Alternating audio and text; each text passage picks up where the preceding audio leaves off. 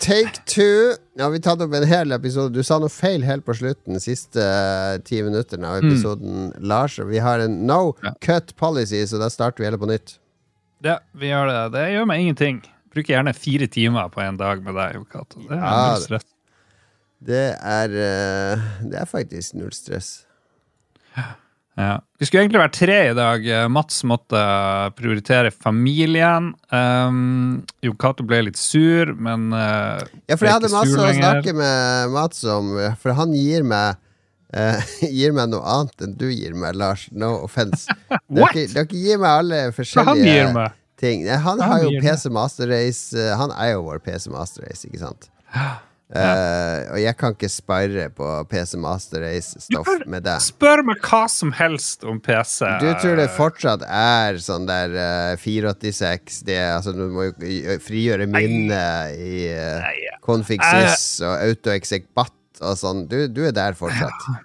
Da jeg hadde peiling på PC litt, da hadde jeg Celeron-prosessor og drev overklokka den. Jeg smurte på kjølepasta og brukte Napster og jeg vet ikke hva det heter for noe. Ja. Da, var jeg on top. Kjølepasta og Napster, det var hellig, eh, hellig studentkombinasjon. Ja. Yep. last Savner du Napster? Savner du å ha MP3-samlinga di? Ja! Jeg har jo masse MP3-er på sånne ulike harddisker hvor, uh, hvor jeg hadde masse bra musikk. Glemt halvparten av all musikken, for jeg har ikke den samlinga lenger. Så nå lever jeg jo på nåde til uh, rutinene, hva det heter uh, Algoritmene til uh, Spotify.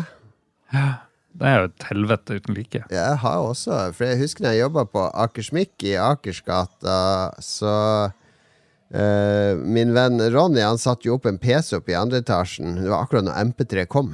Det her var i 99-2000 eller noe sånt, da MP3 tok av. Satte opp en PC oppe i andre etasjen, der vi bare satt i musikk-CD-er, og så trykka på et program, og så bare rippa den hele CD-en til 128 megabit eh, MP3-filer. Så basically så bare lagde vi arkiv av alt som kom inn av CD-er. Og så tok jeg de med. Hadde fest på helgene, så hadde jeg helt ferske MP3-er med til festen. Det er jo det er litt som de her hackerne før i tida. Du måtte ha en som hadde access til alt nytt, og som kunne spre det videre. Så du var litt sånn, uh, sånn wares, musikk-wares-mann. Ja, ja, det er som var årsaken til at musikkbransjen holdt på å gå under i Norge. Det var den der maskinen på Akersmik som jeg og Ronny drev og gjorde med. Ja. Husker du da du kunne laste ned og høre på musikk samtidig for første gang? Du trengte ikke engang vente på å laste ned musikken. Du kunne bare streame den, som vi tar for gitt i dag. Det var noe som jo- real audio. Og sånn, Ja. No, ja, jeg husker det så vidt. Men ja, hva har eh, Glem han der Mats, da. La han nå få eh, være med familien sin. Eh, Hva har skjedd i, i ditt liv siden sist, Lars? Åh, skjedd mye. Jeg har en lang liste. Ikke glem Mats, fordi jeg har vært på 42-års eh, Ikke sånn. Noen litt markering. Broderen var her, vært Ja. her, og da samla vi han og Mats og noen folk. Og da, da kjøpte vi inn masse candies, vi hadde med litt øl og greier. Men det vi uh, oppdaga, det var jo hvor fantastisk det er å skru på en YouTube på TV-en som ikke er innlogga, hvor du bare får sånn random shit som eh, YouTube mener en ikke-registrert profil skal få med seg. Å, ja. Det var interessant. Det var mye forskjellig mystisk som du ellers aldri ser. For eksempel en kar med verdens skarpeste kniv skjærer opp en sånn par 300 kilos eh, tunfisk. Helt, eh, helt fantastisk. Eh, Videoen varte i, i veldig lang tid, så vi oppdaga òg at det å se videoer i ganger to-hastighet funker helt uh, supert på litt sånn her uh, Dette høres ut som som verdens lameste 42-årsfest, Jesus Christ! La oss undersøke hva YouTube viser oss hvis vi ikke er logga inn. Oi, se han her som skjærer fisk! Oi, se her, vi kan var- spille i ulik hastighet! Objection, det var ikke en ordentlig bursdagsfest. Det var okay. bare at Mats hadde bursdag på samme dag. Det var ikke noe feiring, det var bare at vi samla noen folk og drakk litt øl. en markering. Men, men eh, det er så fascinerende å se en sånn god håndverker skjære opp en hel eh, tunfisk. av ATB, Og så fikk vi til og med se dem spise den etterpå. Å, det er så mye mat i en tunfisk. Og en tunfisk kan jo koste visstnok millioner av kroner. Ja, ja, ja. Føler du deg litt Når jeg ser sånn der eh, eh, folk som lager nudler fra scratch, eller pasta, eller Mm. skjærer tunfisk. Sånne, sånne craftsmen som har gjort det der i 20-30 år, ikke sant? Som har det i fingrene, ser så, Ja. gjør det så lekende lett. Føler Ja. du deg litt verdiløs, i og med at det eneste du kan, det er litt sånn halvgod touch? Vet du hva, jeg sammenligner meg ikke med dem. Du, se, du søker ikke opp en YouTube-video av uh, Han her meget god i touch, se på hans teknikk. Det, det er ikke noe man blir imponert av, liksom. Nei, nei da, det blir du kanskje ikke. Men uh, det, det har jo litt med Hvorfor er finlenderne de mest lykkelige folkeslaget i verden? Det er de ikke lenger, siste slutte. tre Jo da, de er kåra. De alle siste årene. De tapte. Eurovision, gikk på en gigantdepresjon. Det ledende teori er at de har begrensa forventninger til livet. Eller det er én teori. Så slutt å forvente så veldig mye. Ikke driv og sammenligne deg med alt på, på YouTube og Facebook og sånt. Da blir livet ditt mye bedre. Burde ikke uh, ditt livsmåte være å være en litt bedre versjon av deg sjøl hver dag? Jo, men det har jo ikke noe med at jeg ser tunfiskskjæring på YouTube og jeg skal føle meg dårlig. Det henger jo ikke sammen. Nei. Men jeg vil jo gjerne bli bedre, et bedre menneske. Men vet du hva, vi imponerte folk òg da vi var og kjøpte inn snacks til bursdagen. For vi var alle veldig hyggelige med dama i kassa og bare oi! Og bare ble helt satt ut av at vi ønska en god dag og hvordan har du det og sånn der. Og, ble, og det så ut som vi eh, redda dagen hennes. Så det er en veldig fin Ja, måte for det er ikke vanlig i Harstad. For det vanlige å si da er sånn her Fy faen, det der er høyhuset som du skal bygge bak der! Herregud, nå må folk plukke opp søpla etter seg! Ja, det er, det er nok av det i Ja, verden. det er mye Um, sånn hissige folk i Harstad. Så elsker dere, har jeg sett i avisa, elsker de cruiseskipene som kommer inn. Oh, nytt cruiseskip i byen! Mein Schiff Drei er i byen. Alle sammen, kom og se! Det ligger et svært cruiseskip på kaia. Hør det rare språket de eh, snakker. Uka buka. Ja, umulig å skjønne hva de sier. Er det sånn? Ja, det- det Du fanger, du fanger Sightgeisten i Harstad ganske bra, i hvert fall. Ja, jeg, jeg, eh, min, min Harstad er Facebook. Altså alt jeg, min, jeg filtrerer Harstad nå gjennom Facebook. Og det er hva folk Mm. legger ut i Harstad-gruppa, og hva i Harstad og HT er interessert i. Og det er cruiseskip, det er søppel, det er høyhus. ja, det er ganske spot on. Men det har kommet en motreaksjon. Det gjør det jo bestandig, ikke sant? Ja, ja. I. Oslo så hei, er jo folk som henger opp klistremerker med sånn der eh, fuck off cruise tourists og sånn der nobody likes you, og det en svær Ja. kampanje mot de. Visstnok så er det de som forurenser mest per person og bruker minst penger lokalt, Ja. eh, sies det. Det fall eneste de kjøper, er sånne helvetes eh, dårlige troll laga i Kina, og kanskje en eller annen dårlig caps med Norge-flagg på, og hvis du er heldig, en lusekofte. De kommer jo ikke kjøpe Mm. lokale råvarer og oster eller kunst fra Carl Erik Harr. Det er ikke det de er interessert i, det er bare juggel de skal i verste fall ta med seg. Ja, det, De lærde strides. Næringslivet er i hvert fall veldig glad. Eh, de merker oppsving. Men eh, en fyr torde da å si mot alt det her jubel, og han fikk kjeft så huden fløy. Du må lese Jeg så det, jeg kommentarfeltet så det. Jeg, var nesten jeg var inne og forsvarte han. Jeg er på terskelen terskel til å bli en sånn der eh, provokatør i Harstad-kommentarfeltene nå. Gi meg noen år til, så skal jeg inn der og, fyr, og helle på så mye bensin. Ja. Kom Kom deg inn i en hule på fjellet og bli der, var liksom generelle feelingen. Herregud, jeg må da vel få lov til å Ja, ok. Men eh, la oss eh, Ja, det siste paradoks. Fordi alle i Harstad hater disse høyhusene som bygges nede i sentrum. Mm, Mens alle klager over at sentrum er tomt. alle hater det. Ja, Ja, og sentrum er tomt. Jo det flere er høyhus du bygger i sentrum, jo flere folk blir det i sentrum. Ser de ikke paradokset her? Forbanna amøba der oppe. Ja, Nå er, er du veldig skarp i tonen, men ok, det er sånn det, er sånn det går. Gi meg, gi meg debattinnlegg, skal jeg slenge ut det argumentet. Ja. Jeg kom på noe da vi snakka her. Eh, Min bror forteller at han, han har flytta til Oslo. Jeg har Ja. bedt han ta kontakt med deg, men jeg tror han er litt sjenert. Eh, Han Ja. vil at jeg skal komme ned og introdusere han for eh, folk. har bodd for lenge i Sverige. Ja, Men du har jo den hagefesten. Skal vi høre om han har lyst til å ferdig dit? Jeg vet ikke. Det Er det er nå på lørdag, det. Det Han og kona kan Ja. gjerne komme da og møte folk, for det kommer Ja. masse Harstad-folk. Jeg kan sende Ja. han en melding og invitere han sjøl. Du trenger ikke Ja. å sitte å introdusere. Jeg prøver å hjelpe nye landsmenn, men det han sier Han Han har er sikkert veldig glad for at vi prater om det her på podkasten. Det er jo livet vårt. Kaller du han for nye landsmenn nå? Uh, ja, Sernt Jan Fredrik og dama har kommet, og det de sier begge to, det er at folk i Norge er mye mer hyggelig enn eh, folk i Sverige. I hvert fall in the workplace. Folk eh, har, eh, virker mer lykkelig uh, i Norge enn i Sverige. Artig, artig observasjon. Artig, artig. Jeg kan ta noe Men- Vi har masse Vi har så tynt sendeskjema Ja. i dag, så vi må bare prate om alt mulig. Ja, jeg har masse igjen, så Ja, bare ja, du altså, tar vi kan ta litt av mitt òg, fordi jeg, jeg kom hjem Eller jeg fikk en sånn der eh, Det irriterer meg veldig også. Det er Digipost. Du kjenner til det? Ja. Eh, Valgkortet ditt har kommet i Digipost, for eksempel. Ja, eh, men det beste jeg får fra Digipost, det er sånn der Skal vi se hva som står her. Sending merket brevsending har kommet. Hmm. Og så klikker jeg på det. Ok. sendingmerke brevsted. Hentepris, bunnpris, Lambertseter må hentes inn. Detaljer om sendingen. Et sendingsnummer. En hylleplass. Det er ikke hvor, hvem er det fra, hva er det for noe, hvor mye veier den Jeg, jeg, må, jeg, jeg skjønte ikke hva det var for noe, ikke sant? Det er jo et paradoks. Du får elektronisk post i Digipost om ekte post, fysisk post. Ja, det- det, det er ingen informasjon. Overflødig. Det, du, hver femte e-post dreper tre i Amazonas, har jeg lest. det er en myte, det ikke sant. Men ok, så, så jeg vet ikke om jeg skal prioritere å hente dette fort. Altså om det er viktigere enn andre ting, eller om det er Kanskje er det bare valgkortet som ligger der og råtner. Eh, Eller noe sånt. Jeg trenger jo ikke et fysisk valgkort. Ja, men det skal komme digitalt. Jeg fikk, jeg fikk noe digitalt. Ja, jeg har fått syv Det trenger du ikke å vise heller, du trenger bare å vise legg, for jeg har vært og stemt Ja. allerede. Det kan vi ta Ja. etterpå. Men uh, ok, jeg drar nå og henter denne pakken. En, eh, en litt sånn stor pakke veier sikkert et par kilo.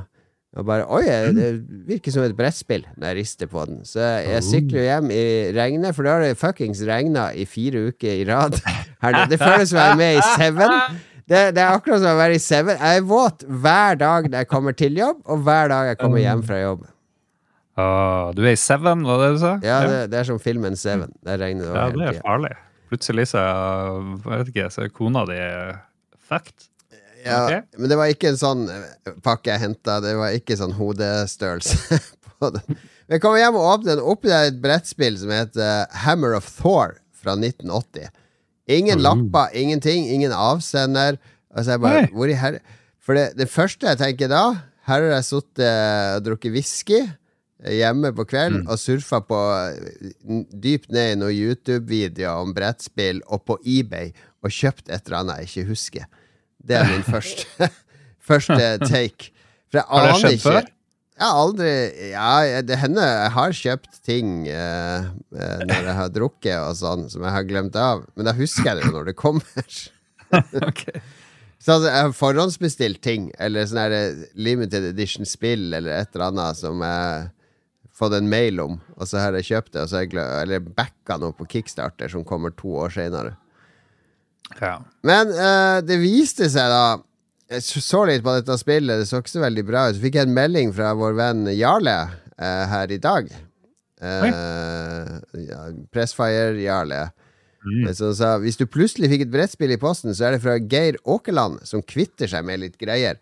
Så det viser seg at han er Geir Åkerland hadde han en stor brettspillsamling. Altså han bare funnet jeg skal kutte ned, men i stedet for bare å gi det bort, så han eh, spurt folk Er det noen som vet, noen som vet noen som vil ha. Jeg bare sender, sender til folk som kanskje okay. får glede av det.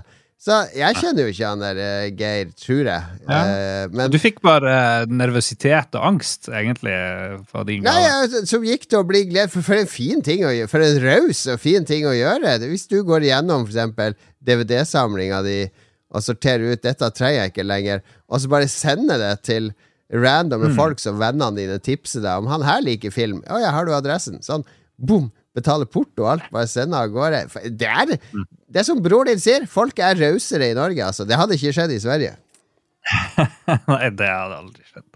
Herregud. Så nei, det var den Ja. pakken da Fortsett med dine ting Ja, em, jeg har blitt tipsa av noen om eh, noe som heter Cuddle Party. Å nei, Oh, nei Jeg hadde aldri hørt om Det ikke det, det, jeg, vi skulle hatt med Philip, for han har sikkert vært med på det her. han har helt sikkert vært. Og jeg fikk en lenke til et køddelparty som du kan være med på Nei, i nei, nei, 24. august. Bror din, eller bror din kan være med på det. Og det var helt genialt. Skal vi se. Cuddle Party. Det er en stor ting. Det er visstnok kø for å bli med. Kalles også Møljekos. Og nå kan dere 24. august, det er mine venner i Oslo, møte eh, Robert, som er, er liksom gamemaster der. Og Robert som arrangerer det her, han sier at eh, det varer i fire timer. Du får suppe etterpå. Eh, Det skal være ikke-seksuell berøring, og det er viktig å dusje først. Men så kom jeg ned til Ja, det koster 300, og så kom jeg ned til eh, kvalifikasjonene til Robert. Og det er jo det er da det er gull.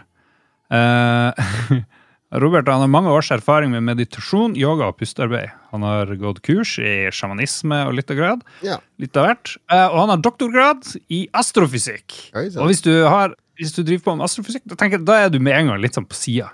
Fordi du trodde det var astrologi, men Ja. så tok du astrofysikk, og så så ble du bare værende. eh, han spiller gong og holder lydmeditasjon og har stor interesse for berøring. Spiller gong?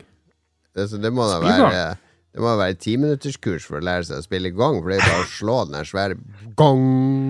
Er det den metallplata som bare henger ned? Ja, det er én note. Ja, men Han ja, doktorgrad i å spille gong. Ja. Men eh, og så leste jeg på et annet uh, cuddle-party der det var lov å kysse. Så min teori er det er liksom bare sånn kåtskap eh, satt i system, tror jeg det. Men anbefaler, jeg vil at du skal gå på det. Betal, Eh, bruk Patrion-penger, Men vi har nesten ikke Patreon-penger. Vi har mista 40% av det er PayPal-tullet og DNB og andre som bare har fucka opp. Ja, jeg så det. Jeg så, Så det. det, nå, er driver, nå driver jeg og Celine og lager sveppegaven. For det er egentlig sommersveppegaven. Vi skal få av gårde nå i eh, slutten av august, så alle skal få den i september. Eh, er så, vi, må skra, vi må tømme eh, eh, Patron-kassa vår for å få Oi, råd. oi, Så vi, vi får se om vi, vi må ha en kampanje for å få inn litt eh, nye swappers og andre. Ja, så Problemet er jo at vi har mista masse folk fordi de ikke har fått lov å betale av DNB eller PayPal, og det Ja. er jo krise. Det er jo det. Kan vi saksøke PayPal? Ja, vi har advokater på saken allerede. Men jeg vet ikke hva Uh. en sånn cuddle-party er. Jeg leste også en reportasje om det, og det er, Mm. det er noe millennialsk om det. Altså, og jeg er over 50 år, du vet det er det vi snakka om før. I alle settings nå som involverer eh, Altså Uansett hva jeg gjør nå, så blir jeg sett på som en gammel gris. Hvis jeg Ja, står og er ser på en jentefotballkamp Å, se gamle grisen der. Skal se på uh, ungjenten spille. Hvis jeg står og ser hvis jeg, hvis jeg, Altså, du er en gammel gris Jeg Vi går gå på diskotek med unge folk, og der kommer en gammel gris. Så det, det, spørs om du, hvordan du kler deg. jeg går på køddenparty, cuddle-party, og det er bare 30-åringer der. Du vet jo at det, de tenker 'Å, han er gamle grisen'. Har lyst til å, han, å, pass på han Pass på hendene hans. Spørs om du klår på folk og er Jeg, sånn kan, jeg kommer jo ikke til å klå på folk, men de kommer til å anta at jeg er en gammel gris, bare pga. alderen min. Men det spørs hvordan du kler deg. Hvis du er sånn som jeg sa i forrige episode, hvis du går kledd i kun uh, idrettsklær med gullkjede, blir godtatt, godtatt med en gang. Du må være så sær at folk skjønner at ok, han er ikke en vanlig creep. Du legger masse arbeid uh, i, i å gå ut. Da tror jeg det går bra. Det blir ikke noe cuddle-party. eh, Ja, hvis I Harstad betaler meg 5000 for en reportasje, så kanskje. Ble jeg frista? Nå ble jeg frista. Jeg bare, ok. Ok. Mm. Nei, men jeg har også en ting som har eh, irritert meg Eller som irriterer meg grenseløst. Det er Ja. at jeg vet ikke hva som er overarma og underarma, vet du? Eh, overarm er jo det for over albueleddet, og underarm er okay. det som er under Det er det som er over her, da. Det er over albueleddet. Ja, men du lar jo armen henge ned. Så overarmen er der Nei, jo biceps. ikke det. det ikke det? Leonardo da Vinci-bildet, der står du med armene rett ut. Det er menneskekroppens positur. Når har du fått det her problemet? Jeg har fått det her problemet fordi jeg har aldri Jeg klarer ikke å huske hva som er overarm og underarm. For for meg, når jeg sitter sånn her, det er jo ikke naturlig at det er overarmer. Altså, all, nå sitter jeg med hendene oppå hodet. at overarma er under underarma. Ja. Det er, men det er et kjempespråkproblem, det her, fordi det er ikke, log, det er ikke noe logikk i det. Jo, det er skjønner jeg. skjønner Ja, for du har ikke det problemet på beinet. Det heter ikke overbein og underbein. Det heter lår og legg. Der har man løst det. Og problemet mitt er jo at arma, ikke sant, den vokser ut fra skuldra. Er du med? Ja. Ja. Arma vokser ut fra skuldra. Akkurat som et tre vokser opp fra bakken. Og den øverste delen på treet, overdelen, er jo det som har vokst lengst bort fra rota.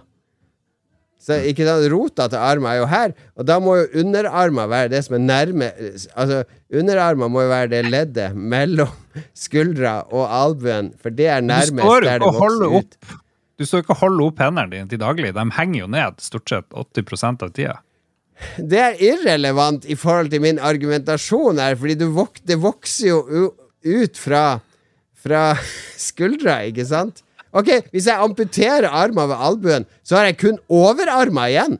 Det er jo naturlig at det er Ja. under, den underste delen, det som er nærmest rota, som er igjen.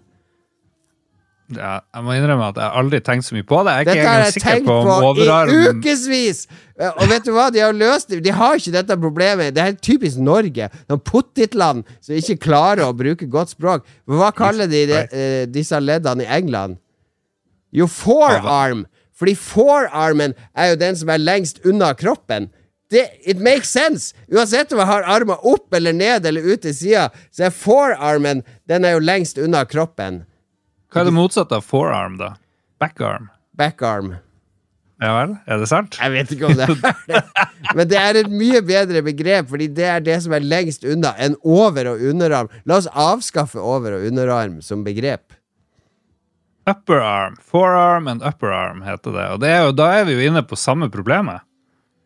For noe heter upper arm, og det er jo det samme Ja, som der, der har de bare løst det halvveis i utlandet. Det burde hete forearm og, og, eh, og backarm. Det er mitt, mitt Ja. forslag. Forearm uh, between your elbow og bakarm, det er det jeg kommer til å kalle over- og underarm. Framover, så får, hvis folk ikke skjønner hva jeg snakker om, så fuck you! Får, det- er du som bruker så upresist språk. Overarm og underarm er i ræva. Å, herregud. Det er bare å huske det, for guds skyld. Du som har sånn her Memory Palace, hvor du skal huske eh, alle sjåførene i Formel 1. Du skal liksom huske 21-22 førere eller noe sånt, men du klarer ikke å huske hva som er overarm og underarm. Bullshit! Jeg, jeg Bullshit! sliter med det. Jeg sliter med det.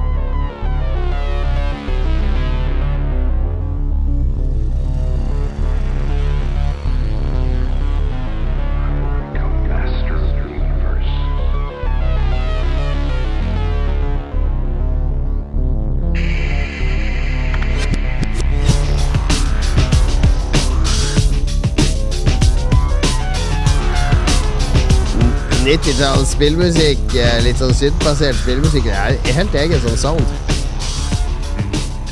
Veldig Eh, gjenkjennelig. det har kommet ny video fra vår venn Dedeko, som vi støtter på Å, Patreon. nice, nice, nice. Ja. Musikken det er der er for øvrig fra 4x4 EVO på Dreamcast, mm. som er et sånn uh, racingspill med noen svære biler. Ja, var det der, forresten, jeg har en ting til å ta opp. Var okay. det der trip-hop? Mm, ja, den, ja, nå nærmer du deg litt uh, trip-hop eh, slash big beat, som også var en Mm. sjanger på denne tida. Ja.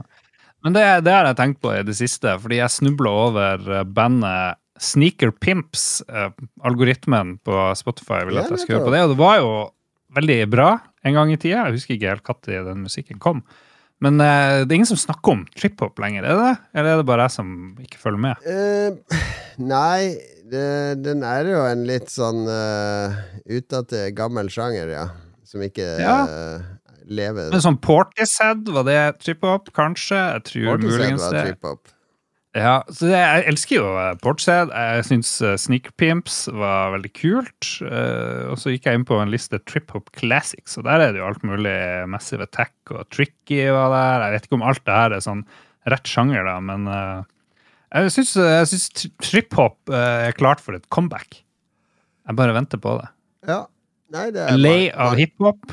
Nok sånn her mumble-rap og sånn her drit. Du hører ikke på mumble-rap uansett. Nei, jeg gjør ikke det, men eh, Mange som er klar for uh, mer trip-hop, tror jeg. Ja. ja. Vi, får, vi får spille litt trip-hop på hytteturen, da. vet du. Ja. Også ha cuddle party. Ja, det har vi jo hver hyttetur. Men da er det lov å ta på kjønnsorgan. Det er det selvfølgelig. Alltid lov. Hva er, hva er forskjellen på cuddle party og sex party? Er det at de uh, uh, Det jo visstnok at du ikke skal ha sex på cuddle party. Men Ja. jeg tror jo at det er bare et skalkeskjul. Hva har vi spilt i det siste? Ja, hva har vi spilt i det siste? Jeg har spilt mer Baldur's Gate 3. Jeg bikka Jeg nærmer meg level 6 på karakterene mine. Og det er sånn terskel, fordi når jeg kom på level 5 ikke sant? Det er sånn magisk level i Dungeons-sammenheng. Det husker jeg fra mine mange år som gamemaster og noen år som spiller, er jo at Fram til level 5 så har du som dungeon master veldig god kontroll. Altså, spillerne er veldig sårbare fordi de har bare level 1-spill og level 2-spill og er ganske svake. Og en critical hit fra en fiende kan liksom ta alle hitpointsene og sånn. Men når du bikker level 5, da får du access til uh, de kraftige level 3-spillene og bedre powers og sånn. Og da begynner spillerne å få overtaket. De begynner å få såpass mange verktøy, dette husker jeg som Dungeon Master, at da begynner de å utmanøvrere dine planer for balanserte encounters, eller de kommer på ting, eller de bruker powers som du ikke hadde tenkt. Å, ja, kan du gjøre det? Og dette skjer i Baldur's Gate 3 òg, fordi spillet blir, ble merkbart lettere etter jeg bikka level 5. Ja. Ja, kampene ble lettere. Jeg har, jeg har sikkert fintuna partyet mitt med hvem skal gjøre hva, og hvilke roller og, og, og taktikker. Så nå egentlig pløyer jeg litt gjennom det. Så nå, nå dabber det litt av, sånn for min del interesse. Ah, ja. For jeg er også i sånn her undergrunns Uh, Jeg har ikke kommet meg til byen ennå. Jeg er i det der under Uh, der de drowene bor i Underdark, eller hvor det er. Jeg, jeg, jeg, jeg blir så demotivert av å gå under bakken. Jeg liker sollys og skog og mark. Ja. Det, det, er jo, det er jo en reversal av eh, dimensjoner. For det her I forrige episode så var spillet på nivå med, med Elden Ring, Tears of the Ja, ja, Kingdom. det, men det er jo fortsatt et fantastisk bra spill. Det er bare for meg personlig, og dette gjelder veldig mange spill Når jeg kommer til et punkt der jeg føler nå har jeg mestra core-loopen, nå vet jeg hva som skal skje, hva jeg skal gjøre videre som spiller, hva som forventes av meg, så, så sliter jeg med å holde oppe interessen. Da vil jeg Ja. til, inn i et nytt spill og finne ut hva er det dette spillet for. Det er analytiker-review-hjernen som slår inn. Ja, du har jo jobba som spillutvikler. Å, har det liksom ødelagt litt? For du, du ser liksom triksene, eller du ser Nei, hvor det bærer? Nei, de to verdenene har jeg klart å separere eh, litt. Men jeg, jeg, jeg har mye mer respekt for at spill Eller Det er så mye feil i alle spill, så jeg, jeg har mye mer toleranse med bugs i spill enn jeg hadde før jeg var spillutvikler. Eh, noe av eh, det store med Baldur's 3 var at det skulle være 170 timer cutscenes. Det skulle være mer enn i, eh, i eh, med sånne TV-serier, lange TV-serier. Det skal være mer video. Hvordan er det? Er det blir du lei cutscenes? Er de bra? Nei, du altså, kan jo ikke lage 180 jo- 170 kvalitetstimer med cutscenes. Det, det er jo ca. tre ganger mer eh, Hvis du skal høre gjennom alle Olbua, så tar det tre ganger lengre tid enn å se alle cutscenes i Baldur's Eh, 3. Så de når fortsatt ikke opp til de virkelig store. Nei. Da, det cutscenes og cut- Det er jo dialog, ikke sant? Og jeg, jeg må innrømme Mm. noe dialog, det trykker jeg meg Da leser jeg jo subtitles, og orker jeg ikke å høre på sånn der eh, Oh, you fair maiden, I hope that we have not inconvenienced you Da, da, da trykker jeg videre når jeg har lest eh, Mm. hva som faktisk skjer. Altså noe dialog, så lener jeg meg litt sånn tilbake og nyter dramaet. Kan du gi navn til spillerne, sånn at eh, de heter Lars og Jabba? og Ja, du ting, kan eller? lage ditt eget, helt eget party, men det, du, det er litt gøy å spille med deg sjøl og de her origin-figurene, som de kaller det, for de har ganske kule backstories og sidequests og narrativ som unfolder etter hvert. Har du noen tips for nye spillere av Baldur's Gate 3? For det er mange som skal kjøpe det på eh, PlayStation og andre plattformer. Eh, ja uh, Bare ta det sakte og, eh, og Eller sett deg inn i figuren din sine evner. Altså, det, er, det er noen sånne YouTube-videoer med 30 tips for begynnere. Og sånn. det, det er mye nytt. Spill det litt først, og så ser du en sånn video. Mm. Ok. Nummer én tips på hele internett får du i Lolbua. Alltid. Hva har du spilt da, min venn? Jeg har, jeg vet ikke hvordan jeg kom frem til det her, men jeg har driver altså og spiller uh, på PlayStation 5. Et PlayStation Portable-spill fra 2010 som heter The Legend of Heroes Trials from Nei, Trails, ikke Trials. Trails from Zero. Okay. Også kjent som Zero no Kesi Kes Keseki. Og det er sånn Falcom-spill som har fått veldig bra kritikk. Jeg, tror, jeg fant vel en sånn oppfølger, og så mente folk at jeg burde spille Trails from Zero først. Ja. Og det ser litt ut som Final Fantasy 9 var liksom min første øh, grafiske øh, sånn øh, connection jeg dro. Det er sikkert ikke rett. Veldig lenge siden jeg har spilt Final Fantasy 9. Men litt sånne firkantige figurer. Veldig lav polygon-count på alt. Mm. Det lav polygon-count på både karakterer og verden og sånt. Men eh, veldig bra historie enn så lenge. Eh, du spiller detektiver eller politifolk. Eh, du er et party oh, ja. av politifolk. Det har jeg aldri vært med på i et JRPG før. Så det var litt fresht. At det ikke var liksom en tormented hero som har det helt forferdelig og skal fyke gjennom verden og plukke opp en thief og sånn her drit. Det, det trenger ikke. Ja, det var veldig deilig. Det er deilig. veldig deilig med JRPGs der altså Det er jo det som er forfriskende med Persona-serien òg, ikke sant? Man er sånne college eh, kids, og det er gøy. Ja. Så, så du er fire-fem stykk. En 14-åring selvfølgelig er med, og så er de vel sånn rundt 20 resten. Eh, De er alle rekruttert til en spesial uh, platoon i politiet i Bell et eller annet City. Bell Tower City, jeg husker ikke hva det heter. Ja. Um, og du har en sånn bitter politisjef som hater deres mellomledersjef, men han er veldig kul. Han liksom vil eh, er det sånn klassisk, sånn som i sånn amerikansk eh, Hammer! In my office! Right now! What the fuck do you mean? Pulling out your gun in the middle of, of the florist shop! Ja, det er litt sånn, og han er ond i tillegg. Han vil at dere skal slutte, Å, fordi såpass. det er masse in-office politics. Så han mellomlederen som har lagd den gruppa du er i, han, han er ikke så populær eh, blant uh, toppsjefen og masse greier. Så eh, Noe som jeg beit meg merke til, det er at eh, i tillegg til vanlig attack, så bruker du å ha magi. Men her har du to typer sånne magisystem som heter arts and crafts.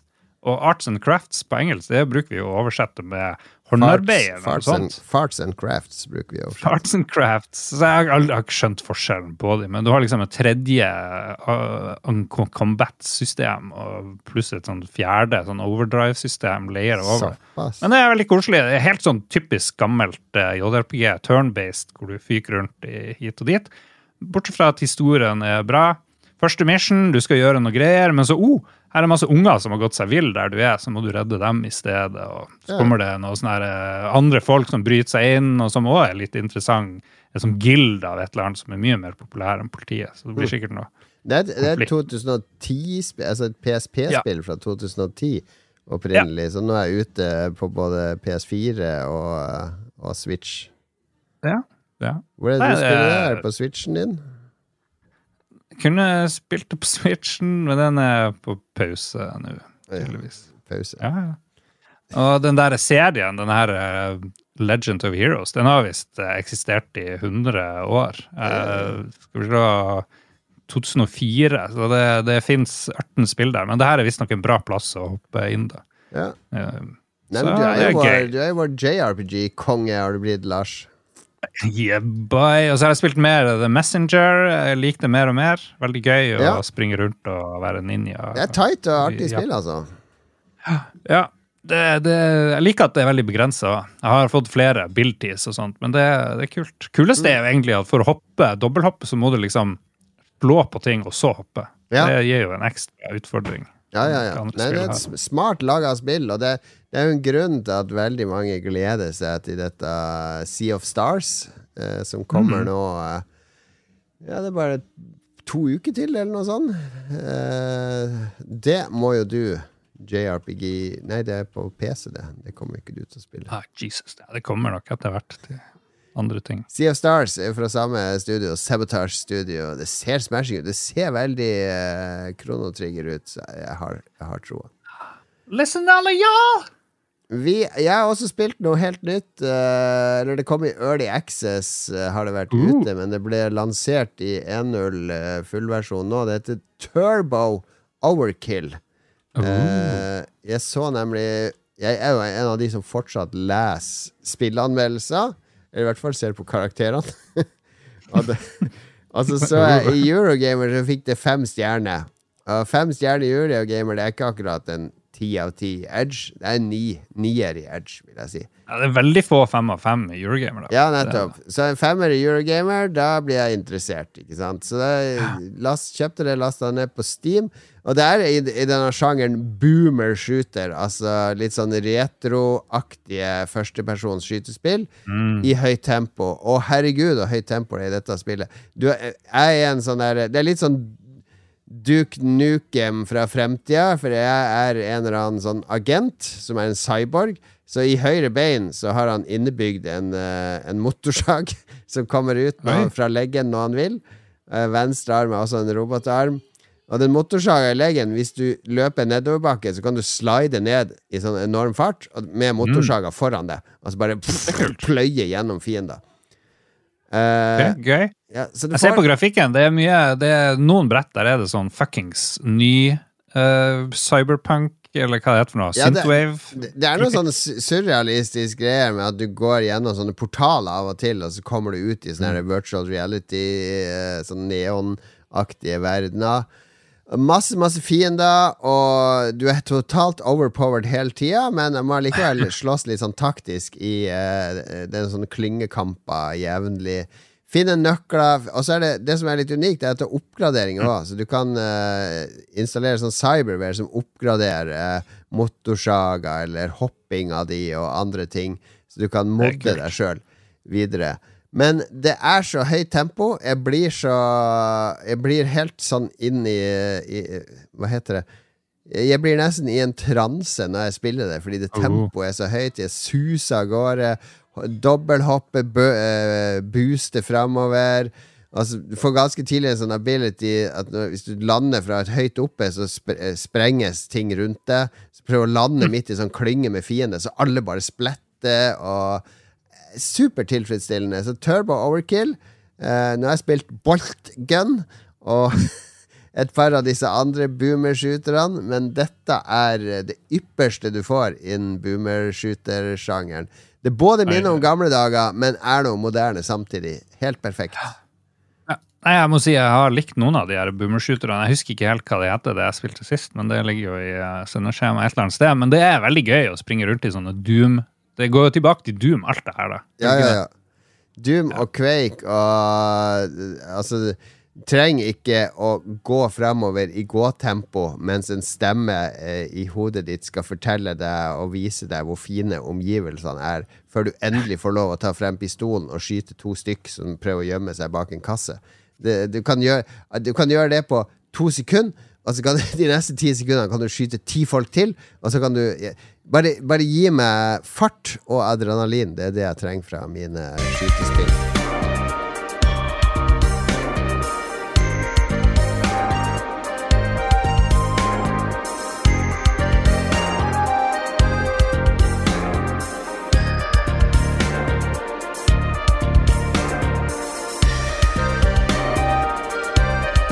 Donkey Kong Country nummer tre, dette. Og dette må vi nevne før vi går videre. Vi skal ha med oss en, en spillnyhet. Og to spillnyheter, Ja. fordi til helga så braker det løs nede i Sandefjord, eh, Lars. Mm. Da kommer selveste no, Nobue Uematsu, er det ikke det? Ja. Eh, Ja. Med sitt lille band skal ha konsert. Det er Retromessa 2023. som eh, vår eh, eh, venn Jan Olav Eller i hvert fall, jeg kjenner jo Jan Olav eh, litt. Jan Olav. Jeg hadde quiz eh, for de når retromessa måtte være digital under korona og litt sånne ting med Magnus. Men Jeg var det, sammen med Jan Olav. eh, du har vært på cuddle-party med Jan Olav Ja. Han elsker det. Nei da, det er Jan Olav som står bak som vanlig. Jeg klarte å få Nobu Uematsu. Det er masse, masse tettpakka program. Jeg har sommerfesten med familien den helga, så jeg får ikke dratt. Men Åh. jeg har uh, to, var i minibanken, tok ut uh, tømte Patrion-kassa, ga alt til Philip sammen med en H6 og sa 'reis til Sandefjord, lag Oh. reportasje'. Så vi får, vi får en fyldig reportasje i neste episode fra Oi, oi, oi. Philip og Punti og Adrian som er der nede og representerer. Ståle tror jeg også skulle dit. Ja. Vi trenger flere. Vi trenger Dere som ikke lenger er patrions, please, please come back. Herregud, har du sett på prisveksten, Lars? Altså, folk må jo prioritere mat og Ja, ja, ja. ja. ja nei, vi vil kunne ha rike patrions. Selvfølgelig. Ja. Eh, eller folk som bare ikke spiser sunt. De som bare spiser uh, trash og velger å bruke penger på oss. Men OK, vi er okay. på uh, retrovessa. Aldri vært der. Er det verdt pengene, Mats? Jon Cato? Jesus. Eh, ja da, det vil jeg absolutt si at det er gøy å besøke. For meg så blir det for mye med to dager der nede. Men Mm. å, å besøke det én dag, og spesielt ha med ungene og eksponere de for litt av hvert Jeg møtte jo Rob Hubbard der et år, så det, var, det er jo ingen jeg har holder høyere enn Rob Hubbard som sånn idol, så jeg har jo liksom møtt mitt idol uh, der. Mm. Jeg vet ikke hvem andre jeg skal Jeg har møtt Shigeru Miyamoto. Jeg har ikke møtt Mm. eh, Kojima, men det trenger jeg ikke. Da, da, det da legger han meg ut på Instagram og Twitter. Og, Ja, så må stå og det, hvis du blir venn med Kojima, Ja. så blir han òg forelska i deg. Ja, ja, ja. Det blir, det blir blir sånn mer, det blir mer en cuddle-party med Kojima, for å si det sånn. Spesielt hvis du er mann. Han legger ikke ut noe dame. Det er kun menn på Kojima. Men det, han er en Ja, bro. er, han, eh, er Kojima gay, er det du sier? Det, det skulle ikke overraske meg, men eh, det er not that there's anything wrong with Nei, it. nei, Han- ikke i det hele tatt. Men eh, det, det må jo være det, det, det, kan, det kan jo godt hende han er homofil. Herregud. Ja. Skal vi google det? Skal vi se. Kojima gay.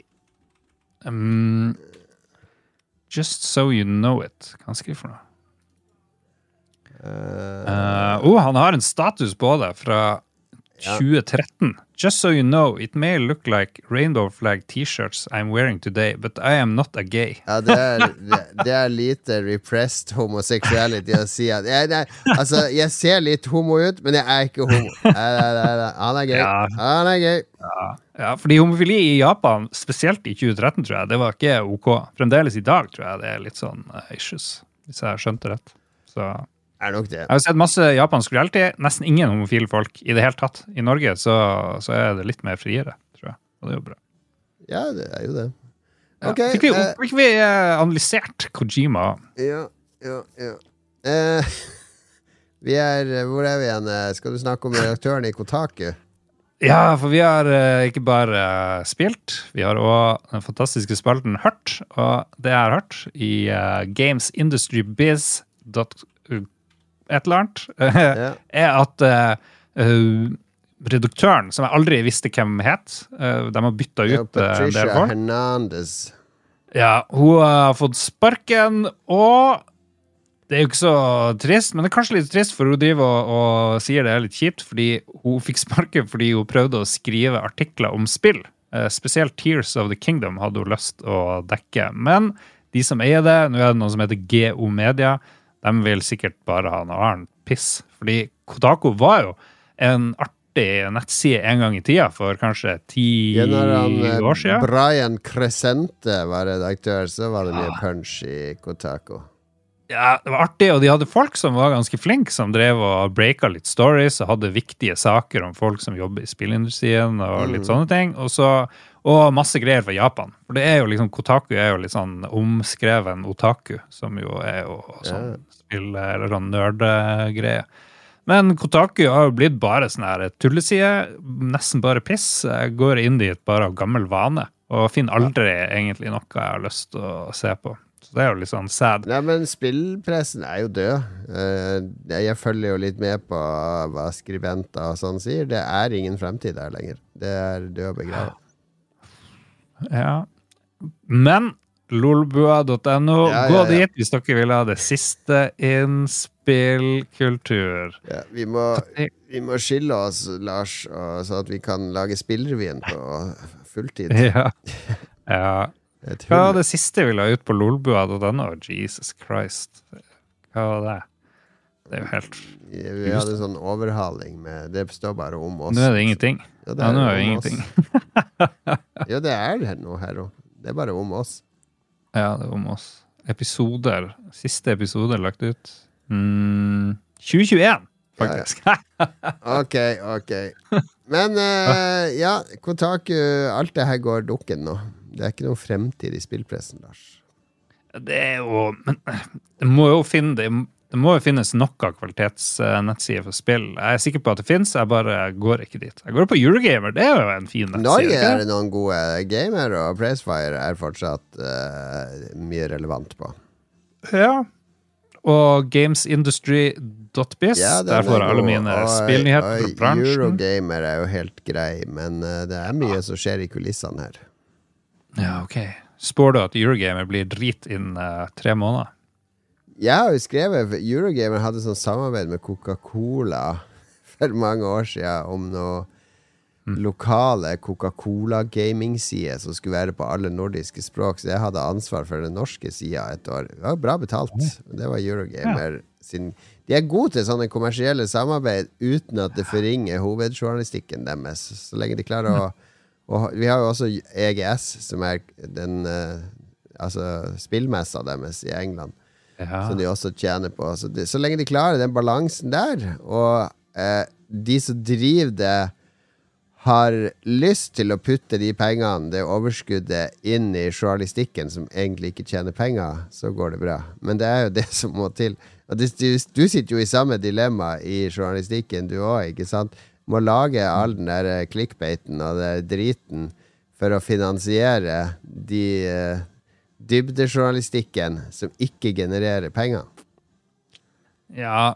Du kan ikke bare gå etter det som gir uh, the clicks. Nei, Eh, men ikke gjøre. overfladige eiere går jo bare etter det. Det er det som er problemet. Så når noen kommer Ja. inn og tar over et mediehus, ja, hvor, hvor er de raske pengene? Det er der. Lag bare det!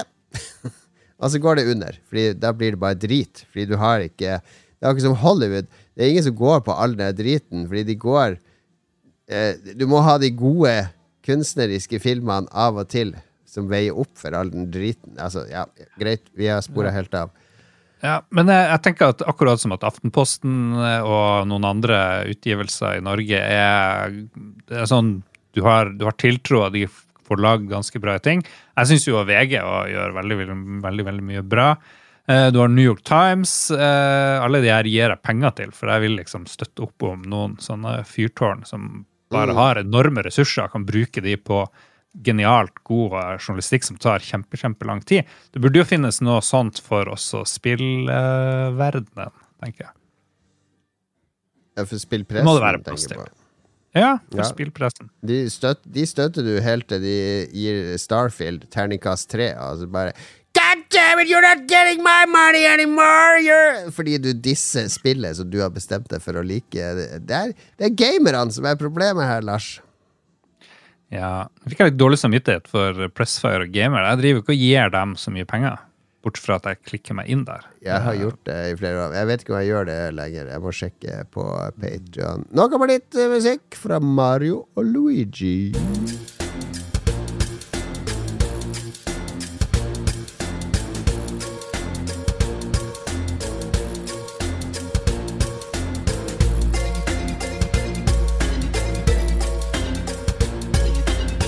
Hvis det er noen som hører masse lyder i bakgrunnen fra meg under sendinga her, så er det fordi kidsa har rock band party nede. De spiller Freebird akkurat nå, hører jeg. Det er jo veldig bra. Hæ? Kan ikke klage på det. Nei, da skal de få lov å bråke så mye de vil. Absolutt. Eh, anbefaling.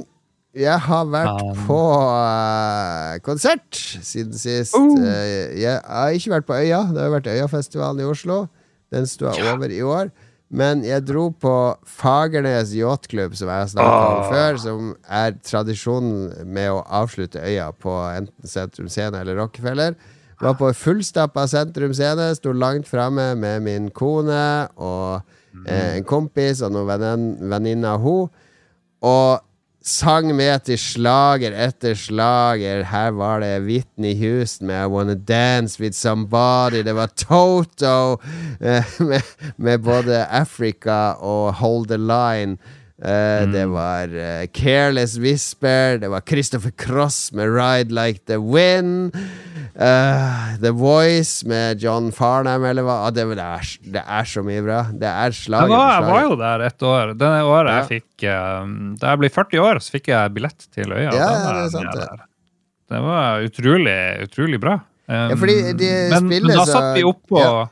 Da satt vi liksom bak oppå Ja, ja, ja. Bleachers. Nå var vi Var nede på nede på gulvet? Ja, ja. Da blir det jo enda bedre. Ja. Og så var det- De har alltid Altså, det er jo en gjeng bergensere som har dette som en sånn hobbyband, som elsker denne yacht-rock-musikken. Altså 70- og 80-talls litt sånn flinkis, myk rock. Mm, Så, så de har alltid noen gjesteartister. Det var gøy. Og Lise Klavenes fra Briskeby som kom ut og sang Oi. 'Hold the Line' eh, med, med Toto. Det var et artig gjensyn. Eh, Det var, var vel et, to andre som kom ut. Jeg husker ikke helt hvem det var. Det var kjempegod stemning. Super stemning. Jeg var så glad. Så, så de har en spilleliste på Spotify. Det er den jeg egentlig skal anbefale Aha. nå. Altså, jeg anbefaler selvfølgelig å gå på Fagernes yachtklubb hvis du får sjansen. De har ikke så mange konserter hvert år, men grip sjansen hvis de kommer. Og hvis du ikke kommer deg dit, så har de en spilleliste på Spotify. Bare søk på Fagernes yachtklubb. Det, det er en kuratorert spilleliste med den type musikk de elsker. Så der finner du alt fra Jan Eggum, som har en del yacht-rock, til uh, eh, Toto og alle disse klassiske bandene. Herlig musikk til, eh, til å nyte en drink på en sen sommerkveld. Så gøy. Ja. Eh, du har hatt en yachtklubbpause, tror jeg, har du ikke det? Eller? Ja, det var år siden jeg var sist, eh, så nå, nå var det gøy å komme tilbake. Ja, veldig bra. Veldig bra. Jeg skal anbefale en bok, og jeg skal ikke anbefale de vanlige fantasy- og sci-fi-tingene. Jeg skal anbefale en uh, bok som er spillrelatert, men ikke handler om spill og har ikke noen stor rolle. Men den er sinnssykt godt skrevet. Det er kanskje den beste boka jeg har lest på ja, 20 år, kanskje. 20 år? Noe sånt. Ja, En ordentlig bok, Jon Cato. Det styrer jo veldig mange av oss unna. Litt sånn Bøker som krever litt uh, av deg, og som ikke bare er underholdning. Jeg leser Det- eh, en sånn samling med Konan-noveller nå. det er krevende nok, det. Ja, nei, jeg skal anbefale The Nix, um, som er Navnet er henta fra det engelske navnet på nøkken. Altså NIX. NIX. Og um, hovedpersonen er, har familie i Norge, faktisk. Så, så det, det er litt norgesrelevant òg. Men det handler om en engelsk professor som, som opplever at mora, eh, som forlot han og faren da de var liten, eh, dukker plutselig opp i livet hans. Han eh, hater litt mora fordi hun gjorde et eh, enormt triks. Hun tok, og, tok bort én og én ting fra huset inntil alt som var hennes, eh, som hun brydde seg om, var borte. Så bare forsvant hun. Hun, forlot sin unge sønn på jeg vet ikke, ti år, eller noe sånt. Ja. Får selvfølgelig enorme traumer av det. Eh, eh, spol frem til nutida. Han driver og spiller MMORPG-er og bruker tida si på Kommer ingen vei i livet. Eh, og så, så plutselig så, så kommer eh, forlaget han egentlig skulle skrive bok for. Fordi før han ble engelskprofessor, så drev han og var forfatter, trodde han. Han skrev en veldig bra novelle, og den fikk han solgt til et forlag, og så fikk han en enorm kontrakt. Så, men han måtte skrive en bok, da. Men han fikk Ja. penger først. Og nå har han aldri giddet å skrive ferdig denne boka, sånn som 90% av alle forfattere sikkert ikke gjør. Skjønt. Og så må han eh, erklære seg konkurs eh, og gi tilbake pengene. Men han får en out, fordi mora som har forsvunnet, hun dukker plutselig opp på nyhetene. Hun har kasta grus og stein på en sånn eh, politiker. Oi. Og så sier forlaget ja, hvis du skriver en sånn bok om mor di, og henge henne ut. Vi vil ha en sånn hitpiece på for det er valg og greier. og uh, Vi har markedsundersøkt at det her blir en kjempebra bok. Hvis du cranker den ut. Vi har noen ghostwritere som kan hjelpe deg. Og så må han finne ut mer om mora og hva som egentlig skjedde med henne. Så tar det helt av uh, på alle mulige måter. Uh, det, det er utrolig godt skrevet. Det, boka skifter perspektiv ofte. Det er litt sånn Plutselig får du mora sin historie, du får kompisene til hovedpersonen sin historie. Dem han skrev den novella for, som gjorde han litt berømt. Ja. Det er en sånn uh, greie. Han har noen venner som driver og spiller MMO-er. De driver og Det er en veldig artig forsamling folk. Og det hele er skrevet på en sånn måte som du bare tenker Oi, er det sånn litteratur, eh, skjønnlitteratur, skal skrives? Det her er jo sinnssykt bra. Det her er jo ikke bare Blir du inspirert til å skrive sjøl? Ja, det er det som er. Det er Ja. det som er. Plutselig tenker du Å ja, ja. Det er det som er liksom greia. Det her, eh, sånn kan det gjøres. Ja, ja, det er gøy. ja, det er Veldig, gøy. veldig inspirerende. Veldig, veldig Ja, jeg elsker Deilig. det når, den, når man leser noe som jeg tenker at eh, Eller som en åpenbaring i forhold til Det går an å skrive på denne måten. Dette må jeg også kunne klare, og så klarer jeg det selvfølgelig ikke. Ja. Nei, så du får enorme skildringer av uh, opprør i Chicago, studentene i, på 60-tallet, Ja, ja, ja. hippiene og alt det der. Du får uh, møte eh, det er han der forlagsfyren. Han er en litt sånn der Ari Gold-fyr fra, fra det der Entourage-greia. Ja, ja, ja. Han er en av de kuleste skikkelsene. Kommer bare med truth bombs. Deluxe kyniske truth bombs hele tida, som er bare helt amazing å lese. Ting du, du har tenkt over, men ikke lest så velformulert. Om hvor forferdelig verden vår eh, er, videre. Men eh, så er det selvfølgelig litt håp og litt diverse oppi det ville som skjer. ja. Du er on fire nå, eh, Lars. Altså, du har spilt spill. Du har en uh, bokanbefaling som ikke er noe sånn obskur fanfiction, kinesisk fantasy som noen har lagt Ja. ut på nett. Uh, dette, Ja. er, dette er relevant. On point. Det er så on point at du skal få en låt fra Tekken 1 for å feire det her.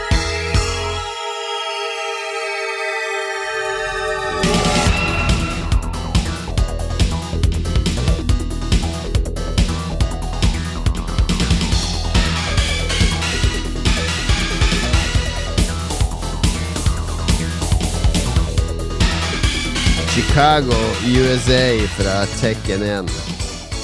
Jeg vet ikke om det er Jack sitt stage eller King eller hvem det var som hadde var i Chicago.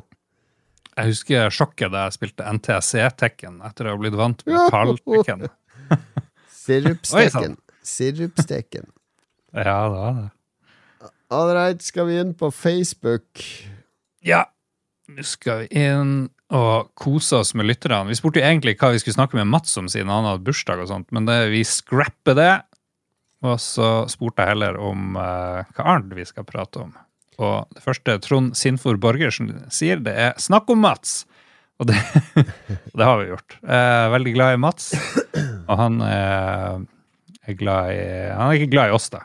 Ja, han er veldig glad. Han sa at hjertet hans er med oss i denne innspillinga, så tusen takk for det. Det er bra. Du, Og da- apropos, jeg, fordi jeg gikk inn på Facebook nå, så ser jeg jo at uh, i dag det ble lansert et norsk spill, eller et samisk spill på PlayStation, som heter Skapma Snowfall. What? Ja, det er et eh, samisk spill, Lars. Det må jo du teste ut i neste episode. Må jeg teste, og skal jeg få en samisk opinion på det Ja. hele. Skapma heter det. Uh, ute på konsoll nå. Allerede ute på Steam. Uh, Hvordan reviews er det på Steam? finsk-samiske Red Stage Entertainment og vant tre priser på Nordic Game Awards. Norsk-samiske Mixapix Interactive er eier og har medvirka i produksjonen. Så Norge har en finger med her. Det her må var jo det var... Favorable Nei, very positive, faktisk. Se der, ja. Ja da. Nei, det er bare å kaste seg over uh, Lesj. Let's do it. Skal vi se Vi må få, må få opp sendeskjemaet igjen. For nå eh, Nei, når vi var inne på Det var sikkert fordi jeg gikk inn på Facebook at eh, Hele maskinen krasja. Vi er nemlig tilbake etter en liten krasj. Skal vi se Der. Ok. Facebook eh, Du, vi har jo bedt folk om å eh, spørre Mats om spørsmål, siden han har bursdag. Ja, men det, jeg droppa det. Jeg stilte et nytt spørsmål. Så nå er det Nå er det Mats kommer ikke til episode likevel. Hva skal vi snakke om da? Så da tar vi den i stedet. Ja, mange, vi kan jo spekulere litt i noen av spørsmålene til Mats. Espen Bråte spør okay. på hvor mange skudd har Mats skutt IRL, og da snakker han vel om heroinskudd. Det vet vel du, Ja. Lars? Hvor mange han ganger er har veldig glad han i shoota, shoota up? Han har skutt opp i hvert fall kanskje én gang i måneden eh, siden Ja. han var Kan han fortsatt sette skuddene i armer, eller må han ned på leggene og beina og drive og leite? Jeg tror han er inne på øyet, på sida av øyet der, hvor Ja. du kjører når du er skikkelig bro. Penis eh, er populært. Ja, det er, Ja, det det det er noen blodårer der òg. Ja da. Han, Adrian. Haugen lurer på om det ble Kvæfjordkake på Mats på gebursdagen. Det vil jeg tro. Ja, ja, ja. Det ble ikke Det- fordi jeg vet at i Harstad så er det en tjeneste der du kan ringe til Kvæfjord og bestille en Kvæfjord bukake. Så kommer det seks Ja. karer fra Kvæfjord og ja, Det er litt av en 42-årsgave. En ekte Kvæfjord-bukake. Den er nice. Ja, ja, ja. Skal vi Eh, se. Ja, men annet relevant eh, Markus Storm Dalsegg mener at han er det mest joviale Lolbua-medlemmet, og det er han. Han er, han er veldig jovial hvis han ikke blir Mm. sint, for han har, han har litt sånn lunte. Han har lunte. Skal jeg komme med min favoritt Mats blir sint-historie? Ja. Det var da vi bodde i lag her. Eh, Mats flytta, flytta til meg av en eller annen grunn. Han hadde ikke noe sted å bo, han ville ikke bo hjemme. Og så har vi to store TV-er i stua, og vi har begge PlayStation 5, og vi driver og spiller Destiny. Ja. Og Mats Akkurat PlayStation 4 var det her. Ja, PlayStation 4. Og, og Mats er jo veldig flink i FPS og sånt. Ja. Og han er jo han ruler i Vault of Glass og styrer på, men det er tidlig tidlig Vault of Glass, og du skal gjøre jumping puzzles eh, og sånt, og så får ikke Mats eh, det helt til. Så han driver og bannes og roper, så jeg finner ut jeg skal filme han. Jeg skal filme Mats mens han gjør det her. Det var en dårlig idé. Det var en dårlig idé. Han sa hvis du, ikke, hvis du filmer meg nå, så flytter jeg ut. Han sa vel ikke det, han, han skreik det vel mer. ja, det, han hylte det i sånn maks volum. Og da sa jeg ja, men det er greit. Men han, har- er han har et sånn veldig rasjonelt sinne, for det er ikke sånn at han hyler sånn Det er sånn der Vet du hva! Det er, han, han snakker akkurat Det er like ja. sånn uh, eh, Argumentene er som om han snakker rolig, bare veldig høy eh, og hissig stemme. Men han er en perfeksjonist. Det er det jeg tror han Mats er. Ja, hvis du ser hans eh, leilighet der hvor han bor nå, eh, hos, oppe hos foreldrene, veldig, veldig clean, crisp, alt er i orden. Mm. Og hans TV-oppsett er alt i orden, og jeg er sikker på at PC-oppsettet og alt Det er liksom de rette bildene på veggen, en- møblene er per perfekt plassert. Alt sånt der. Jo mer perfekt du lager omgivelsene dine, jo mindre perfekt føler du deg på innsida, er det ikke sånn? Nei da, Mats er en flott kar. Flott okay. 42-åring. Han Joakim eh, van Sødegren, eh, fast uh, lytter og vår uh, rojalistekspert etter at han lagde en spesialinnslag. Lurer på hvor gammel vi var når vi oppdaga hobbyen onani. Ja. ja. Skal vi ta Mats først, da? Han var vel tre år, tror jeg, da han oppdaga onani. For han har så enorm penis. Og den var jo sånn Babypeniser er jo erigert hele tida, og det gjelder òg hvis du har sånn kjempepenis. Så Ok, det husker jeg godt. men det husker du. Det må vi slette. Jeg, jeg orker ikke begynne å klippe. Nei, du trenger ikke klippe. Det er jo bare tull. Ok, uh, Jørgen Rosé, hvilke av dagens spill skal vi plukke opp igjen om 30 år? Hva er det som gjør et spill til klassikere? Det var et godt spørsmål, Jørgen. Ja, det, det må være noe tidløst i det, og noe som det spillet etablerer og får til som eh, Selv om andre gjør det samme, så blekner det i forhold til det, den opprinnelige formelen. Mm. Så jeg tror uh, Ja, den er vanskelig. Tetris Effect tror jeg at jeg kommer til å spille om 30 år. Bare fordi det er en sånn her eh, absurd uh, visuell og lydopplevelse. Mm. Kommer vi til å tenke på PlayStation 5 og Steam-æraen som liksom uh, Eller PlayStation, da. PlayStation kommer sikkert til å forsvinner etter hvert. Eh, kanskje. Det er noe nytt om 30 år. Hva, hva, hva, kommer denne tida her til å være en sånn golden age eh, om 30 år, tror du? Ja, det er vanskelig å si, fordi hvis du tenker sånn i 2005 til 2010, hva var de kuleste spillene der? Det er litt sånn svart hull for meg. Altså, Mm. fordi det, det I den play, fra play, PlayStation 2 til PlayStation 4-æraen er det mye sånn der eh, forglemmelig i mitt hode. Det kan ha med alderen min å gjøre. Ja. ja. Eh, Ting som i eh, sånn videregående og studiealder, det, kommer, det husker du jo Ja. lenge. Så går det jo nedover. Gjør det. Jeg, jeg, jeg synes det, det, det er et godt spørsmål. Jeg må tenke mer over, Jørgen Rosén. Kanskje det blir en hel temaepisode. Klassikere. Det er jo liksom når det kommer noe nytt som funker veldig bra, og når de perfeksjonerer det på, på et Mm. eller annet vis. Eh, jeg tenker jo sånn Ma Mario Verden har jo holdt seg sinnssykt bra. Det er jo alt klassikere på mange måter. La oss, altså. vi har flere spørsmål her, da. Ja, Trond Sinfør Borgersen vil vi skal snakke om Mats. Vi har snakka masse om Mats allerede, Trond. Eh, ja. Getterboys lurer på hvem av oss som er best til å synge I want it that way. Det er Lars. Lars er mye bedre å synge meg. Ja. Få høre. Skal vi se. I want it that way. Du hører det. Det er ingen konkurranse. Ja. Um, hvor, vi må snakke om hvor deilig det er å avlyse planer. Ref. Mats, sier Ole Kristian. Ja, jeg så en video i dag. Det er en sånn der uh, den, Han duden som skrev uh, Gentle Art of uh, Not Giving a Fuck, hva er det han heter? Ja, Su- Subtle sånn Art of Not bok. Giving Ja, Mark Manson. Uh, Ja. han, en han, interessant bok på ti sider, og så er det bare kjedelig. ja, ja, ja. Men han, han Mark Manson der, han har skrevet eh, flere bøker. Han, han er litt sånn influenser-dude, tror jeg. Han har podkast og litt sånn. Og han, jeg så en sånn åtte minutters video med han her om dagen fordi han slutta å drikke i fjor sommer.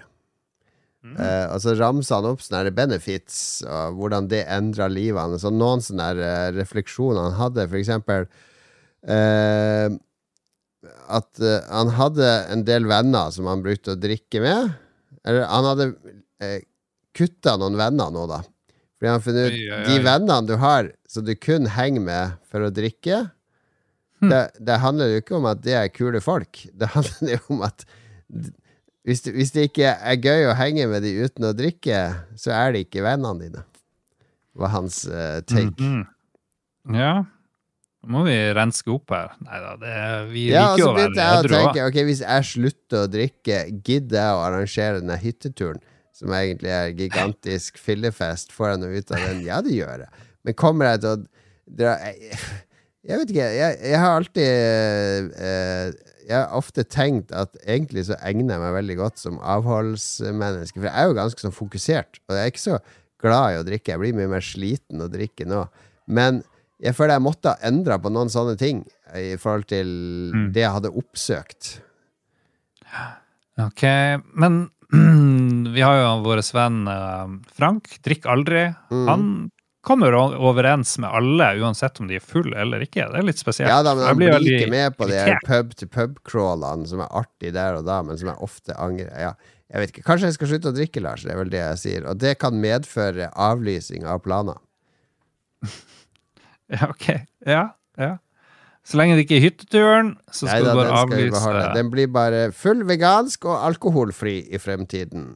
Vi Men dere er jo veldig flinke å fære ut og drikke nede i Oslo, Oslo-gjengen. Ja, det er en sånn Eh, illusjon fordi vi skal gjøre dere misunnelige der oppe i nord. Vi er ikke så flinke. Kristoffer Kristoffer Karlsen, oh. hiphop, hadde nylig bursdag og fylte 50. Tanker om det? Ja um, Hiphop will rock and shock the nation. Ja. Er hiphop bra i dag? Hvor mye hiphop, ny hiphop hører du på, Jon Cato? Eh, ikke så mye ny hiphop, det må jeg innrømme. Det er litt uh, dumt. Men uh, jeg er veldig glad i hiphop. Ja. En ny jeg hørte på Jeg hørte hele Kanye, den der nye Donda, flere ganger, bare fordi den var liksom uh, Fordi han var stor. Men så var det jo ingen som likte den der Donda-plata. Den har bare kommet og gått. Men jeg syns den var litt artig. Du har til og med anbefalt den i Lolbua. Ja, jeg likte, jeg likte Donda. Den er jo sær. Det, det Jeg, er jeg synes Det er bra at den nye hiphopen er- Altså Min 14-åring hører veldig mye på ny hiphop og crunk-rap og sånn, så jeg syns jo det er bra at det, det lever. Altså Hadde jeg de fortsatt lager hiphop som jeg skulle høre på, så hadde det vært dødt, for da hadde ikke han hørt på det. Så jeg, synes jeg elsker hiphop. Gratulerer med dagen. Det er sånn På Criterion Channel nå så er det jo en hiphop-filmsamling. Og der har jeg drevet og sett litt. Alt fra Beat Street og de gamle der, Wild Style, til moderne The Art of Free Flow og dokumentarer og sånn. Mye bra, mye bra. En kunstform som har kommet for å bli. Kan vi rangere de beste hiphop-greiene? det er jo Booyah Tribe kommer veldig høyt eh, for meg. Ja, for oss. for det er jo Det er veldig personlig. Booyah det var jo helt konge. Eh, ja, jeg må jo holde tunga her. Vi liker jo sånne, bare sånne spesielle Disposable Heroes of Hip-Hopracy. Eh, Veldig bra. Ja, veldig bra. Beastie Boys er vi veldig glad i. Ja.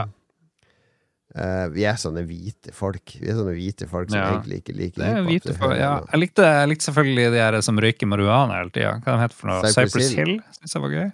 Insane at the membrane. I'm insane. Det er en kul sånn her Cypress Hill minikonsert der de spiller inn inne på en butikk med et Ja. par karer på trompet og sånn på YouTube. Som er så Tiny her- Desk. Tiny sett den. Desk-konsert. Den Ja. er koselig. Ja, veldig, veldig bra. Nei, det er veldig begrensa. Jeg liker bare hiphopen du introduserte meg for, egentlig. eh, egentlig er det jeg tror. Ja, jeg, Um, jeg liker 90-talls hiphop. Nas, uh, Mos Def, uh, alle de klassiske der. Mm. ja, ja. Hørte på Nas i militæret. Kun én plate. Og, ja. Anyway. Ja, Mm. hiphop uh, var bra før, dårlig nå. Det min Gunnar Ferrarsen, han tror ikke jeg har hørt deg før. Nei, Gunnar Ferrar. Rekesalat på pølsa vil han at vi skal snakke om. Hvordan ble det oppfunnet? Lurer han på? Var det alkohol inne i bildet, eller var det et reelt forsøk på å lage noe spiselig? Jeg har aldri hatt rekesalat på pølsa. Det byr meg veldig imot. Ja, veldig rar kombo av reke på pølse. Det er jo helt vanlig. De, du får jo tilbud om det på bensinstasjonen hvis du kjøper pølse. Jeg tror ikke det er ute i Hvis du drar til Sverige, så tror ikke jeg Ja, kanskje Sverige, men hvis du drar til Tyskland Rekesalat på korven! Er de toke, Nordbagge?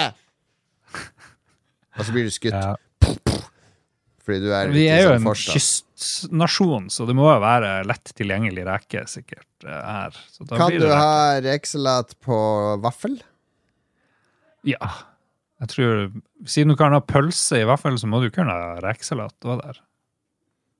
Selv om Ja. pølse i vaffel høyst oppskrytt. Ja. Ja, ja, det er bedre med pølse i vaffel enn rekesalat på pølse. Men jeg kanskje skal pr- prøve det en gang. Jeg kjenner jo flere som liker det. Men eh, det er jo en rar ting å putte på pølsa i utgangspunktet.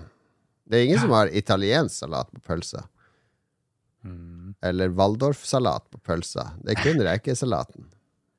Ja. Mm. Har du googla det? det mye salat i, i eh, Budapest, når jeg tenker meg om. Anyway. Tom Wilhelm Ødegaard, hvorfor ser Sea of Stars så jæsklig fett ut? Ja, det har vi snakka om allerede. Du, Tom Wilhelm har god spillsmak. Altså, Ja. eh, kudos for den smaken, Tom Ja. Wilhelm. Ja. Bjørn Bjelland lurer på hvorfor Lars ikke kommer til Retromessa, han som elsker spill som ser ut som de er fra 90-tallet. Ja, godt spørsmål. Nei, det er så langt. Jesus Christ. Men eh, ja, jeg skal dra ett år, det er selvfølgelig. Ja, Mm, helt når klart. Booyah Tribe kommer. Da skal jeg dit. Philip lurer på hva han skal sjekke ut på Retromessa. Uh, Uh, den der køddelsceneseansen må du prøve. Ja, arranger en køddelseanse med Ståle og, og Christian og Adrian og Ja. Kristoffer Karlsen sier at eh, det blir Ridskolan-maraton med Ståle og Christian på hotellrommet. Mm. Og så har vi fått en fra Frode Oppsal her. Vi kan baksnakke Mats, det er alltid effektivt. Han vil høre om Øya. Der har jeg ikke vært, så det er ikke noe å høre om. Ny oppdagelse. Kanskje Depeche Mode ble besøkt. Den Mhm. var heller ikke Jeg går ikke på konserter i Telenor Arena. Det er no go-sone for meg konsertmessig. For der har jeg bare hatt dårlige opplevelser. Jeg har brent meg så mange ganger. Så det skjer ikke. Men kona mi var på Depeche Mode i, på Primavera i Barcelona. Mm. Veldig fornøyd. Veldig fornøyd. Ja. De har det så bra. Ja. Jeg tror det ligger YouTube, eh, hele konserten på Ja. YouTube, den de hadde på Primavera. Jeg, så, jeg så litt av den, eh, og lette etter din kone. Men uh, Depeche Mode holder seg veldig bra. Ja, ja, ja. Den nye plata òg er fin. Altså, Han vil gjerne bli invitert på en øl en dag. Han vil vite hvordan vi har det. Han vil ha en melankolsk, følsom og fremtidsretta episode som inspirerer en 46 og et halvt åring. Ønskelåt hva som helst fra hiphop-jåla Vik, med påfølgende obligatorisk hets, hat, hån. Kanskje selvskading etter ninjastjerner som ukens anbefaling. Waterboarding, aktiv dødshjelp, gapestokk, heksebrenning og jaktlisens på liksom-rappere og prat om spill lagt til helvete hvor vedkommende hører hjemme. Bare forslag. Jeg, fikk, jeg har fått eh, video fra Frode Oppsal. Eh, Jeg skal spille utdrag fra den hvor han kommer med en anbefaling. Skal vi se. Får en jævla gratis hva heter det matretten til å lage det? Pasta Pasta Bolognese. Det er sånn glass, ikke sant? Og to steker kjøttdeig. Og det er det. Det blir jævlig godt. Og det tar ca. ti minutter. Kvarter. Oh, det er, det er over ti minutter, skjer men det er dritbra. Det er ukas anbefaling. Jeg anbefalte pasta bolognese. Ja, men det er bra anbefaling. Men Frode, du kan når som helst ta en øl på tilt, altså. Det er ikke Ja, noe, eh, noe problem. En av våre mest gøy. trofaste lyttere. Celine lurer på Celine er litt sur på meg, Lars. Du har fått med deg det, Celine fra Rage Quit. Nei, jeg har ikke fått det med meg. Hva som skjer? Vi hadde jo et rødt flagg i forrige episode, som var eh, eh, enslige, barnløse hundeeiere. Det er sånn rødt flagg for meg. Har du Ja, researcha det noe mer? Ja. det, er, eh, det er mye raringer. Og Celine er jo enslig, barnløs hundeeier, påpekte hun. så, så jeg må jo bare si, det gjelder jo ikke alle. Men det er eh, eh, Det er det er, det er Jeg er litt ekstra var. Ja, vet du hva jeg har fått høre? Jeg fikk tilbakemelding, fordi jeg kom jo med ganske sånn delvis Kan det bli tolka som harde utsagn om Irland? Uh, ja, Ja, ja. Hvor jeg fortalte at internettet var bare elendig, og de veiene var skikkelig elendige og sånt. Så, det, så da ble jeg påminnet om at vi har mye makt, eh, Jon Cato. Det, det er kanskje det òg Celine er inne på. At når vi slenger ut oss eh, enkle kommentarer om at alle barnløse med hund er suspekt, så er det noen som tror på det her og vil innrette livene sine etter det. Det, Og det tror ikke jeg vi har tatt til Nei, oss. det gjør vi jo faen ikke. Faen, vi, da er vi jo ekte influencers, da. Ja, men eh, kan ikke vi bare si det med en gang? Ikke ta alt vi sier for god fisk. Nei, Eh, nei. Ikke innrett ikke gjøre. livet ditt etter noe helst som vi sier. Disclaimer. Ja, slutt med det. Slutt med det. Skal vi se, Disclaimer. siste The views bidrag. expressed in this podcast are, are not to be Ok, da. Men må, du må svare, Celine. Hva er ditt røde? Ah, ja. Har du et rødt flagg? Uh, rød flagg. Ja, det lurte jeg på. Jeg har ikke noe sånn hunderød flagg, men jeg har sikkert noe. Hvis du går med sånne kjempelave sokker som bare går sånn så vidt, uh, dekker kun fotsålen og ikke noe mer. Ja, så, Det er sånn ikke et rødt ikke kan, hvis du går i shorts og, du ikke ser so og sko og ikke ser sokkene, så lave. Ja, det, Jeg må jo ta av dem skoene for å se om de har de der ultra-ultralave sokkene, men dem, jeg klarer ikke dem. Jeg vet ikke hvorfor. Altså, de men, går over hælen? Den går jo nest, den går sånn to millimeter over hælen, og så klarer de å sitte fast på et eller annet vis. Er det rødt flagg? provoserer meg. Alle går jo i sånne, Lars. Nei, det, det fins vanlige sånne ankelsokker som, er, som går nesten opp til, til høyden av skoen, men de som går helt, helt, helt mye lavere, de er en tredjedel av Ja, det vanlige er rødt flagg. Ah, det holder jo avstand. Ikke ja, de er, hvis de har hull og er single, forget about it! Til sist, hvis vi kunne gå tilbake i tid, lurer Pål Sørensen Malmberg på, å endre utfallet av en berømt spillkamp eller scene, Mm. hvilken ville det vært, og hvordan tror dere det ville påvirket spillverden i dag? Det ble da Nå tilfører du oss at vi legger mye verdi i spillscener, men mm, Men tenker han på hvordan ville påvirke dag? Tenker han på liksom Nintendo mot Sega? Er det en spillkamp? Nei, det er jo konsollkamp. Ja, jeg, jeg ser på det som at, eh, at for eksempel Erith overlever i Final Fantasy 7. Ja. Eh, Ja, det, der har du det også. Den der ungen som dør i Last of Us. Hva om den ungen ikke døde? Da ville han hadde jo Joel ikke vært hatt noe mye sånn mer happy. påvirkningskraft. Jeg, jeg tror eh, Nei, nei, denne Nei, hva skulle dette vært? Dette er jo en hel episode, uh, Pål. Du er jo crazy. Ja, sånn what if innen spillene. What if Mm. det, Hva om det hadde vært eh, Nei, Alternativ historie. Ja, men det er veldig gøy. Ja. Mm. Ok.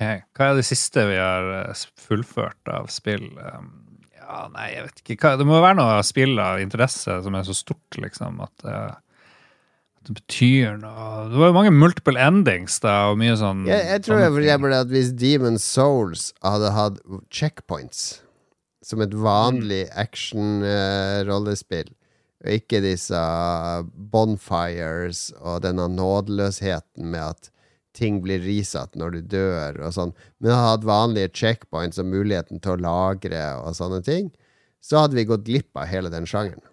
Ja. Hva om eh, Grand Theft Auto 3 var lagd av et annet studio som ikke var sånn fullstendig blotta for moral? At du spilte som politi i stedet for eh, de kriminelle? Eh, ville det blitt en så stor serie som det ble, liksom? Ja, ja. Det heter jo eh, GTA 1 ble jo laga som en sånn politi- og røverspill opprinnelig. Sånn multiplayer, der du skulle jakte på hverandre i biler.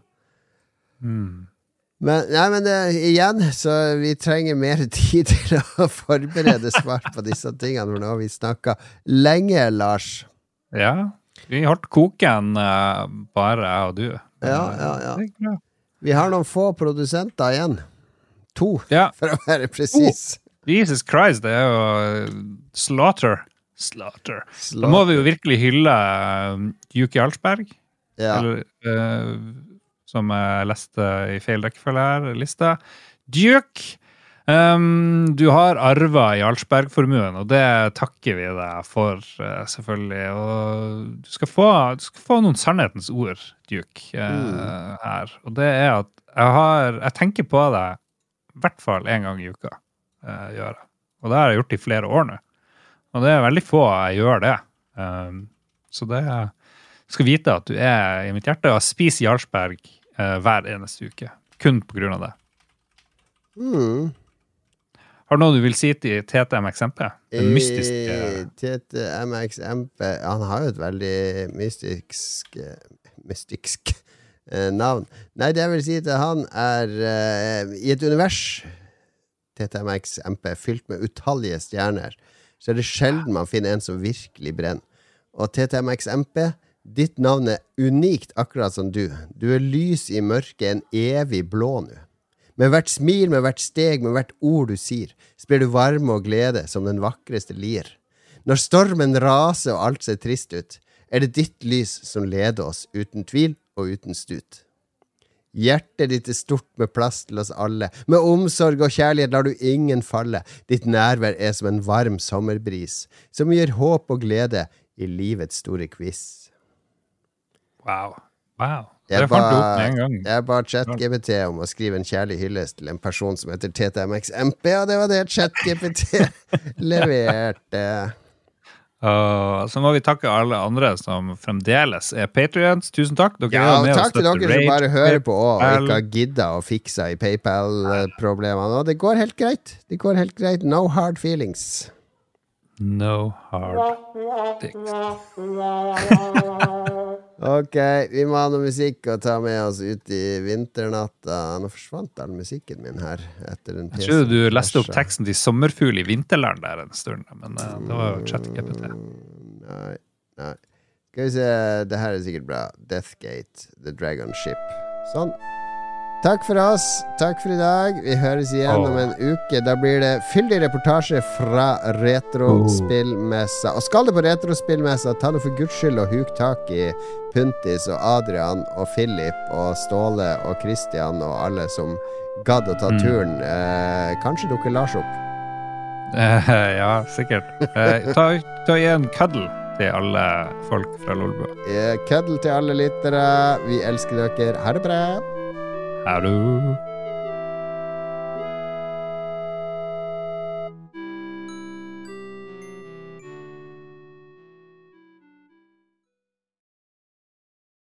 Har du et enkeltpersonforetak eller en liten bedrift?